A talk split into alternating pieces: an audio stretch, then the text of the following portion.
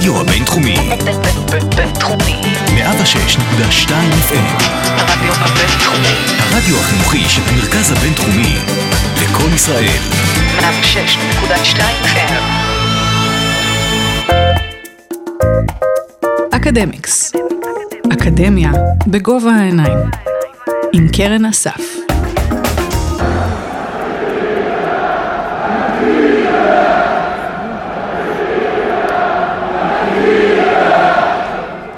הצליל הזה כבר הפך לחלק בלתי נפרד ממשחקי הכדורגל. כל כך בלתי נפרד, עד שבמהלך הקורונה היו צריכים להדביק את קולות הקהל עבור השחקנים. לשחק בלי תמיכה של קהל והלחץ שלו על השחקנים לתת את הכל פוגע בתוצאות. זה ממש ניתן כעונש במשחקי כדורגל. אבל לא תמיד לחץ יוצר תוצאות טובות יותר. לפעמים הוא דווקא פוגע בהן. אפילו כשמדובר על השחקנים המקצועיים ביותר, כמו למשל שחקני ה-NBA. אז מתי הלחץ הוא חיובי ומשפר את תוצאות המשחק ומתי פוגע בהם? אנחנו ממשיכים בשיחה שלנו עם פרופסור יאיר גלילי, מייסד המעבדה לחקר התקשורת והספורט, כאן באוניברסיטת רייכמן. אז אה, שוב שלום לך, פרופסור אה, יאיר גלילי. שלום וברכה. אז uh, עד עכשיו דיברנו על מצוינות בכללי. אמ, כרגע בואו נתמקד אה, בנגיד אה, מצוינת ספציפית אה, בספורט, היא גם זכתה להכרה מאוד גדולה, שאמרנו שזה גם עניין מאוד חשוב, סיימון ביילס, היא זכתה בחמש מדליות באולימפיאדה ב-2016, ארבע מתוכן זהב, נבחרה ממש החודש כספורטאית השנה של עיתון טיימס, אבל איפשהו באולימפיאדה השנה, היא הודיעה שהלחץ... גבר עליה, והיא צריכה, צריכה לפרוש. פשוט עזבה באמצע האולימפיאדה. אה, זה הוביל להרבה גם ביקורת אה, חברתית. אה, אפשר בכלל לקיים תחרות בלי לחץ? לא, אבל צריך, צריך להיות קצת יותר מדויק במה שקרה okay. אוקיי. במקרה של סימון ביילס, ש, שאין אין ספק שאחת הספורטאיות הגדולות, בטח בהיסטוריה בתחום של, של התעמלות, אבל אולי אחת הספורטאיות הגדולות בכלל. אגב, מהרבה מאוד סיבות, הסיפור שלה מאוד מאוד מעניין, כי היא אפרו-אמריקאית בענף ספורט שבדרך כלל לא ראה. מזרח אירופאי. נכון, שליטה, הגמוניה מזרח אירופאית מאוד מאוד רחבה, ואם תרצי גם ניכנס לנושא הזה, אבל... אה, אה, היא, אחת הסיבות שהסיפור שלה היכה גלים, היא מכיוון שהיא, מה שנקרא, אה, she blew the whistle. Mm-hmm. היא פשוט שרקה במשרוקית ואמרה, פוס, בואו בוא נעצור. והיא העידה על עצמה, והיא אמרה שהמצב הנפשי שלה, באופן ספציפי לא אפשר לה להגיע למה שנקרא, מה שאנחנו קוראים פיק פרפורמנס, mm-hmm. לביצוע ברמה הגבוהה ביותר. ואנחנו יודעים שספורטאים מתמודדים עם לחץ אה, בעצם בכל תחרות. אגב, אנחנו מתמודדים עם לחץ בכל... אה, אה, בכל סיטואציה כמעט בחיים שלנו, אה, אה, רק אנחנו יודעים לנהל אותו, אנחנו יודעים אה, אה, אה, להשתמש בו לפעמים באופן אה, חיובי על מנת לאתגר אותנו, נכון, להגיע ל- להיות יותר טובים בתחומים שלנו. אה, הרבה פעמים לחץ אה, משתק אותנו, ובקשת הזאת, או באקסיס הזה, בציר הזה של בין משהו שהוא מאתגר אותנו לבין משהו שמשתק אותנו, לכל אחד מאיתנו יש מה שאנחנו קוראים בעגה המקצועית אזור ביצוע מיטבי. כל אחד יודע מה, אה, איזה סוג של, של לחץ מסייע לו להגיע לביצוע היותר טוב שלו. זה מאוד אישי, זה מאוד אינדיבידואלי. Mm-hmm. אני חושב שבמקרה של סימון ביילס, הסיפור הוא קצת שונה. ופה אני רוצה למתוח את היריעה למשהו קצת יותר רחב, כי מה שקרה בהתאחדות ההתעמלות האמריקאית בשנים האחרונות הוא משהו ש, אה, שבין היתר בזכות סיימון ביילס אה, אנחנו, אנחנו מכירים. והייתה שם גם התעללות מינית מאוד מאוד משמעותית על ידי רופא הנבחרת, וזו אחת השערוריות הגדולות, פרשה שהושתקה. עד היום אני חושב שהיא לא קיבלה את ההד התקשורתי המאוד מאוד משמעותי. וכשאנחנו אה, מחברים תמונה כזאת ומבינים שהזכרת מקודם שסיימון ביילס היא ספורטאית מאותרת. Mm-hmm. זאת אומרת, כשהיא מגיעה למשחקים אולימפיים, יש לה מה שנקרא, אה, אה, על, על הכתפיים שלה, יש מה שנקרא איזשהו אה, אה, אה, צורך או רצון, או אפילו חובה למלא אחר הציפיות של הרבה מאוד אנשים. כן, אצל המדליית ארד זאת אכזבה. כן, זה... עכשיו, ת, תראי, ה-burden of expectation, בעצם המסע הזה של ציפיות אצל כל ספורטאי הוא מסע מאוד משמעותי, בטח ב, ב, במשחקים אולימפיים. אתה צריך להיות מאוד מאוד טוב תקופה מאוד ספציפית של הקריירה שלך, וזה לא פשוט. אנחנו מכירים הרבה מאוד ספורטאים גדולים ברמה מאוד מאוד גבוהה, שעשו קריירה אדירה ולא זכו במדליות אולימפיות, כי הם לא, הם לא הצליחו להביא את הכישרון שלהם לידי ביטוי בדיוק בתקופה הזאת, הם הצליחו לעשות את זה בתקופות אחרות, וה- והמשחקים האולימפיים בהחלט מלחיצים. עכשיו, בואו ניקח את הסיטואציה ש, שסיימון ביילס הייתה בה. אה, אה, הזכרתי מקודם את, ה, את הבעייתיות שהיה עם ההתעללות אה, מינית אצלם בנבחרת. אה, גם את ה-burden expectation שקיים בכל תחרות, והגיע לטוקיו במשטר של קורונה. שאני מזכיר שאנחנו נמצאים במשחקים אולימפיים בלי קהל, שעיני העולם נשואות להרבה מאוד אה, דברים אחרים, עם, חרדה אמיתית קיומית אצל הרבה מאוד אנשים, בגלל נגיף ש, ששינה את הדרך שבה אנשים חיים. ו- ולאורך ההיסטוריה היו כמובן אה, מגפות, אבל אני לא בטוח, או אני בטוח שלא היה נגיף שסוכר אה, כל כך, ואתם יודעים, את יודעת, הרבה מאוד מה, מהחרדות שלנו, מהפחדים שלנו, אה, הם, הם, הם מגיעים מה, מהסביבה שלנו, ופה האקו-סיסטם ברמת התקשורת הוא, הוא מטורף. מעולם לא חיינו בעולם שבו כמעט כל תופעה מועצמת. אה, דרך אה, מגנטיוד כזה רחב של אמצעי תקשורת, של רשתות חברתיות וחברים, וגם רשתות פיזיות וגם רשתות אה, חברתיות מאוד מאוד רחבות, שמפמפמות לנו אה, כל כך הרבה דברים, כל כך הרבה אה, כן, אין זמן. עיתון פעם ביום, זה 24-7 בטלפון חד שלנו. משמעי, ו- בדיוק, בדיוק. והעידן הזה יצר אתגרים, ואני מחזיר אותנו לסיימון ביילס, ל- לעולם שבו קיים עליה לחץ שהוא לחץ אה, כמעט בלתי אנושי. עכשיו, אה, ישנם קלישאות, שאת יודעת, אה, וכתבתי על זה באמת במאמר בגלובס. ישנם הרבה מאוד קלישאות שבשביל זה בעצם הספורטאים חיים, הלחץ הוא בשבילהם, וזה מה שמפריד את, ה, את הטובים מהטובים יותר, או את המצוינים מהטובים מאוד, אין, אין ספק, זה, זה, הקלישאות, אגב, קלישאות הן בדרך כלל נכונות, הן אחרת לא... הם, יש הם להם לא, בסיס. נכון, הן אחרת לא שורדות לאורך זמן. אבל אה, צריך לקחת אה, בסופו של דבר את הקלישאה המאוד מאוד בסיסית, שבסוף ספורטאי הוא בן אדם. הוא קודם כל בן אדם. ואנחנו יודעים שאנשים אה, אה, ברמה מסוימת יכולים גם, אה, גם להישבר, גם כשאנחנו חושבים, או די בטוחים שהם הם אלים, הם אלילים שלנו, הם, הם, הם עושים את הדברים לאורך זמן, והם עושים דברים שאנחנו רק חולמים. לעשות אותם, אנחנו רואים אותם דרך הטלוויזיה, אנחנו רואים אותם הרבה פעמים, ואומרים, וואו, זה משהו שהוא פשוט מדהים. אבל אני מחזיר אותנו קצת אחורה, ואנחנו שוכחים שאנחנו רואים אותם, את הפיניקל שלהם, אנחנו רואים את התוצאה, אנחנו לא רואים את התהליך, אנחנו לא רואים את האכזבות ואת הכישלונות ואת הפציעות ואת החרדות ואת כל אותם דברים שבסופו של דבר מזדקקים לאותה, במקרה שלה, כמה דקות של ביצוע.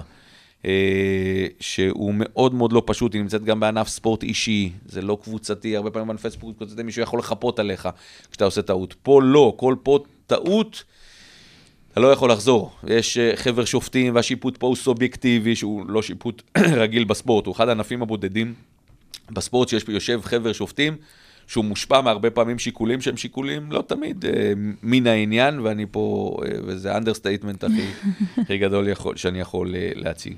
כך שצריך לקחת את, ב, ב, ב, ב, יילקח כל הנתונים האלה, כל הדברים ש, ש, שהזכרתי כרגע, אנחנו יכולים להבין אה, מה שאנחנו... אה, אה, מאוד מאוד אה, מופתעים, אנחנו לא צריכים להיות מופתעים, כי ספורטאים מגיל מאוד מאוד צעיר לומדים או, או מכוונים אותם, או אפילו כועסים עליהם כשהם באים ומציגים איזשהו סוג של פגיעות או חולשה, או, כי הם לא אמורים להיות כזה, כאלה. בסופו של דבר, הת- התדמית שלהם היא מאוד משמעותית, נכון? יש ספונסרים, יש ילדים שגדלים, אתה צריך להראות כמה אתה חזק וכמה אתה לא שביר. והחיים הם לא כאלה, החיים לא פשוטים, החיים הם אה, אה, מאוד מאוד מורכבים, והיא בעצם הציגה אותם בצורה מאוד מאוד אה, יפה. אני חושב שהיא עשתה שירות טוב מאוד להרבה מאוד ספורטאים בכלל, אבל לא רק ספורטאים, גם אנשי, אנשי ביצוע שנאלצים לפעמים לעמוד בלחצים שהם בלתי הגיוניים בעליל. הם עושים את זה לאורך זמן, אבל גם בסוף הם, הם נשברים. אני הרגשתי שהדעת הקהל כלפיה הייתה מאוד אה, דורית, נקרא לזה. שהדור אה, היותר מבוגר אה, לא קיבל את השבירה שלה. לעומת זאת, הדור הצעיר אמר, כל הכבוד שהיא שמה על השולחן את מה שיש אה, לכולם להגיד. יש משמעות, אה, גם למגדר. אה, וגם אה, ל- כאישה, וספורט זה בדרך כלל גברי, וגם לעניין דורי, לעניין תרבותי, לאיך מקבלים את, ה, את היכולת שלך הנפשית להתמודד עם הלחץ? אה, אז תראי, קודם כל, אה, אני קצת אה, חולק עלייך, ספורט הוא אוקיי. בוודאי לא, לא גברי, הוא, הוא כבר מזמן לא שמורה גברית. ספורט. ספורט היום הוא ספורט נשי לכל דבר ועניין. בטח ו- התעמלות, אבל ככלל, אוקיי. עדיין, אה, כמעט, אה, בואי נבלבל אותך עם עובדות, חצי מהספורטאיות במשחקים האולימפיים הם נשים. אוקיי. חלק מהמקרים אפילו יותר. הזכרת, אה, בעולם ההתעמלות חד משמעי, אה, הוא הוא דומיננטי הרבה יותר על ידי נשים. אבל כן, אה, בוא, בוא, נשים, אה, דיברתי על זה בתחילת דבריי. קודם כל, יש סימון בייל שהיא אישה, היא אפרו-אמריקאית, שזה לא פשוט בענף כמו, כמו התעמלות, היא גם לא כל כך צעירה, אה, אבל, והיא עברה את כל מה שמנינו אה, קודם. לגבי ההבדל בין, הדורות, אני, אני לא בטוח שזה קיים. אני, אם היית היית שואלת אותי קודם, הייתי אומר שזה הפוך, הדור ה... אה, הדור הצעיר לא היה סולח לה כי הוא, היא כוכבת, והדור המבוגר היה מבין אותה בתור... אז, אז אני לא בטוח. כשמדברים על דעת קהל, אני אף פעם לא בטוח, את יודעת, אה, בתור מדען ש, שיודע איך, אה, איך, איך מציגים נתונים, אני תמיד חושד בסקרי דעת קהל, אה, את יודעת, זה תמיד כמו, זה כמו ראיית חשבון. זה לא כמה זה יוצא, אלא כמה אתה רוצה שזה יצא. אז אני, אני הרבה פעמים ספקן ב, ב, בהקשר הזה, אבל אין ספק שלא כולם קיבלו את ההסברים שלה ברוח אה, רוח ספורטיבית, נקרא לזה. הרבה פעמים ה- היו כאלה שהתאכזבו, היו כאלה שהביעו ביקורת, ואת יודעת, אני חושב שזה זה הדבר היפה בעולם שאנחנו חיים בו היום. כל אחד יכול להגיד מה שהוא רוצה. אה, וכמובן בשיח שהוא שיח מכבד ונורמלי, וזה בסדר, אתה יודע, האדם אה, זכאי לדעה שלו, לא חייבים לקבל אותה. אה, גם פה, את יודעת, אני מציג את הדעה שלי, יכול להיות שהרבה מאוד מברי הפלוגתא שלי יגידו, יאיר מקשקש, מדבר שטויות. אני מקווה שזה לא יקרה, אבל את יודעת, זה, זה, זה בסדר גמור, זה בסדר גמור. כמה מקום יש היום בתוך אה, המפעל של כל שחקן, שכולל שיווק ורופאים ו- ו- ומאמנים לעניין הנפשי? או-אה, אה, יש הרבה. זאת אומרת, אה, אה, ב ecosystem ש, ש, שאת מדברת עליו, הנושא, הנושא המנטלי, פסיכולוגי, שהוא מורכב מהרבה מאוד דברים אחרים, גם קוגניטיבי ורגשי, אז אה, חד משמעי, אה, יש, יש, יש מקום להרבה מאוד אנשי מקצוע. אה, אבל פה אני רוצה לעשות איזושהי דיפרנציאציה והבדלה בתחום של הפסיכולוגיה, בתחום המנטלי, ולהבין שיש יש, אה, הבדל עצום בין ספורטאים שרוצים לטייב את ההישגים שלהם, וזה בדרך כלל מה שעושה פסיכולוגיית הספורט. היא לוקחת אנשים שיש להם יכולות, והיא מסייעת להם דרך הרבה מאוד כלים למצות את היכולות שלהם. מהצד השני, יש גם את הפסיכולוגיה הקלינית, והפסיכולוגיה הקלינית באה לטפל, אה, ו- ו- ואם את רוצה, אני אעשה פה שוב over סימפליפיקציה ברמה הכי בסיסית, יש הבדל בין פסיכולוגיה של האנשים הבריאים, שזה הפסיכולוגיה של הספורט, לבין הפסיכולוגיה של האנשים החולים, או האנשים שזקוקים לטיפול או זקוקים לעזרה. והפסיכולוגיה אה, הקלינית, להבדיל מהפסיכולוגיה החברתית, ופה אצלנו ב, ב, אה, אה, באוניברסיטת רייכמן, יש לנו אה, מחלקה לפסיכולוגיה, או בית ספר לפסיכולוגיה, אה, ואני לא כך אובייקטיבי, מהטובים ש, אה, שיש בישראל, אני, אני תמיד בטוח שאנחנו הכי טובים. אה, אני ספורטאי בסוף, ואנחנו תמיד בתחרות, ויש לנו אה, אה, גם אנשי מקצוע, אה, גם בתחום הקליני וגם בתחום, בטח בתחום החברתי. אה, מהטובים שיש, והפסיכולוגיה של הספורט נמצאת לא בכדי בפסיכולוגיה החברתית. אה, למרות שקיימת גם פסיכולוגיה של ספורט שהיא קלינית, אבל היא בדרך כלל מנסה או, או מטפלת או מאירה נושאים שהם נושאים שהם קליניים, נושאים של אה, דברים שהם צריך לטפל בהם. אני לא מגיע מהעולם הקליני, אני מגיע מהעולם החברתי, מהעולם הספורטיבי, מנסה לטייב תהליכים, לסייע, לה- מנסה לעזור ל... לספורטאים, בעיקר לקבוצות, כי אני בא מעולם הסוציולוגיה, מעולם, מהעולם החברתי, מעולם הקבוצה, אה, לעזור בתהליכים האלה, לה- להגיע לפיק פרפורמנס. אגב, אני הרבה פעמים לוקח הרבה מאוד מהדוגמאות של הספורט וה, אה, והפסיכולוגיה החיובית לארגונים אחרים. זאת אומרת, mm-hmm. גם, גם הרבה מאוד ארגונים אה, שמנסים בסופו של דבר לקחת את הקבוצה שלהם ולהשיג תוצאות. הרבה מאוד מהעקרונות של הפסיכולוגיה של הספורט, או הפסיכולוגיה, של, הפסיכולוגיה החיובית, יכולה ומסייעת להם להשיג תוצאות הרבה יותר טובות, כי בסוף צוות הוא צוות הוא צוות, אותה קבוצה. בסוף ה-team, ה-together everyone achieves more, אנחנו רוצים את הסינרגיה הזאת לקחת לרמה הבאה. הרבה מאוד מהעקרונות האלה הם עקרונות מאוד מאוד uh, ברורים, שאפשר לעשות להם אדפטציה לעולם ה... העסקים, לעולם ההייטק, לעולם הרפואה, לעולם החלל, לכל העולמות שבהם בסוף, בסוף, בסוף, זה עניין של פרפורמנס, עניין של ביצוע. התחלנו לדבר על עבודה בקבוצות, אה, זה פחות מתאים להתעמלות אמנותית, אז בואו נדבר על ה-NBA. אמ, בעצם אה, במחקר שלך מצאת שקבוצה שהיא בלחץ מאוד גדול כי אולי היא תצא מהליגה, היא... זה פוגע בביצועים שלה במקום לעשות פיק ופרפורמנס. אתה רוצה להרחיב? אה, כן, האמת היא שזה מחקר יחד עם פוסט-דוקטורנט בעבר, אחד הסטודנטים הכי מוכשרים ש, שהיו לי, דוקטור איליה מורגולב. ניסינו לבדוק תופעה מאוד מאוד מעניינת של של קריסה תחת לחץ, או חנק תחת לחץ. Mm-hmm. הנושא של choking under pressure הוא נושא מאוד מאוד מעניין. הוא נושא, אגב, אה, אנחנו לא המצאנו אותו, הוא נושא שנחקר, אה, אני, אני לא מגזים, מאות ואולי אלפי מחקרים. החידוש שלנו היה חידוש במובן הקבוצתי. Mm-hmm. זאת אומרת, עד היום כל המחקרים ניסו לבדוק אדם בודד, במה שנקרא choking under pressure. אנחנו ניסינו, ואני מקווה שהצלחנו במחקר, לנסות לדבר על choking under pressure של קבוצה. וקבוצה זה, זה מאוד מאוד מעניין. והסיבה שלא נעשו מחקרים עד היום, כי אה, לא מצאו setting, לא מצאו אה, אה, איזושהי מעבדה או, או אתר או זירה, זירת מחקר שבו אפשר לבדוק את זה. ואחד הסיבות שאני חושב שהמחקר שלנו הוא מאוד מאוד מעניין, כי לאיליה היה רעיון, אה, שכמובן הצטרפתי אליו כמוצא שלל רב, לקח את הזירה של ה-NBA, לקח את המשחקים, יותר נכון, את הסדרות של המשחקים לאורך הרבה מאוד שנים, לקחנו 33 אה, עונות, זה המון המון שנים, עם אלפי משחקים, כמעט אלפיים משחקים, וניסינו להראות מה קורה לקבוצות שהן מה שנקרא עם הגב אל הקיר. מה קורה במשחק האחרון שלהם, שהוא יכול להיות האחרון אם הם יפסידו. גורלי. נכון, במשחקים בדרך כלל של אה, הטוב מבין שבעה משחקים, הקבוצה הראשונה שמגיעה לארבע ניצחונות מנצחת. זאת אומרת, קבוצות שמפגרות ב-3-0, 3-1 או 3-2, אם הן מפסידות את המשחק, זה המשחק האחרון שלהם בעונה. וניסינו לראות מה קורה שם, מה קורה במשחקים האלה, האם הם מצליחים לשרוד לפחות עוד משחק אחד או אפילו שניים, או שהן קורסות תחת הלחץ. אה, לעשות ספוילר? בוודאי. כן, אז הספוילר שהן קורסות תחת הלחץ. הלחץ הורג אותם.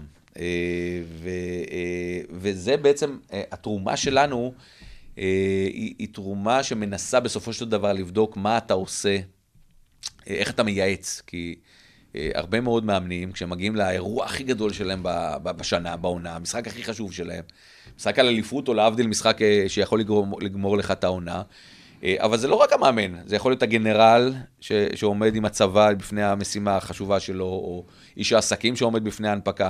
מה אתה מייעץ לא, לא, לאותו אדם לעשות? האם ללכת לספורטאים, לשחקנים, לחיילים, לבוא ולהגיד, חבר'ה, זה הדבר הכי חשוב שאנחנו הולכים לעשות, האם אתה הולך להלחיץ אותם במרכאות, או אתה הולך להגיד להם, חבר'ה, התאמנו כל כך טוב, just do it, כמו שנייק אומרים. Mm-hmm. תעשו, אנחנו יודעים, אנחנו... אני חושב שהעצה שלנו חד משמעית היא, היא, היא להתייחס לזה כמו ליהנות. כל, כן, בואו, בואו ליהנות כמו כל אפיזודה אחרת.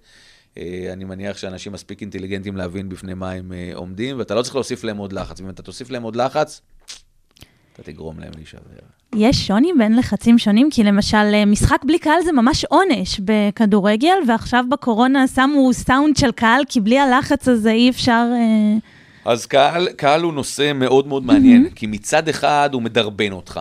בסוף אנחנו יודעים שפרפורמנס מול קהל זה משהו שהופך אותך ל... אה, ל...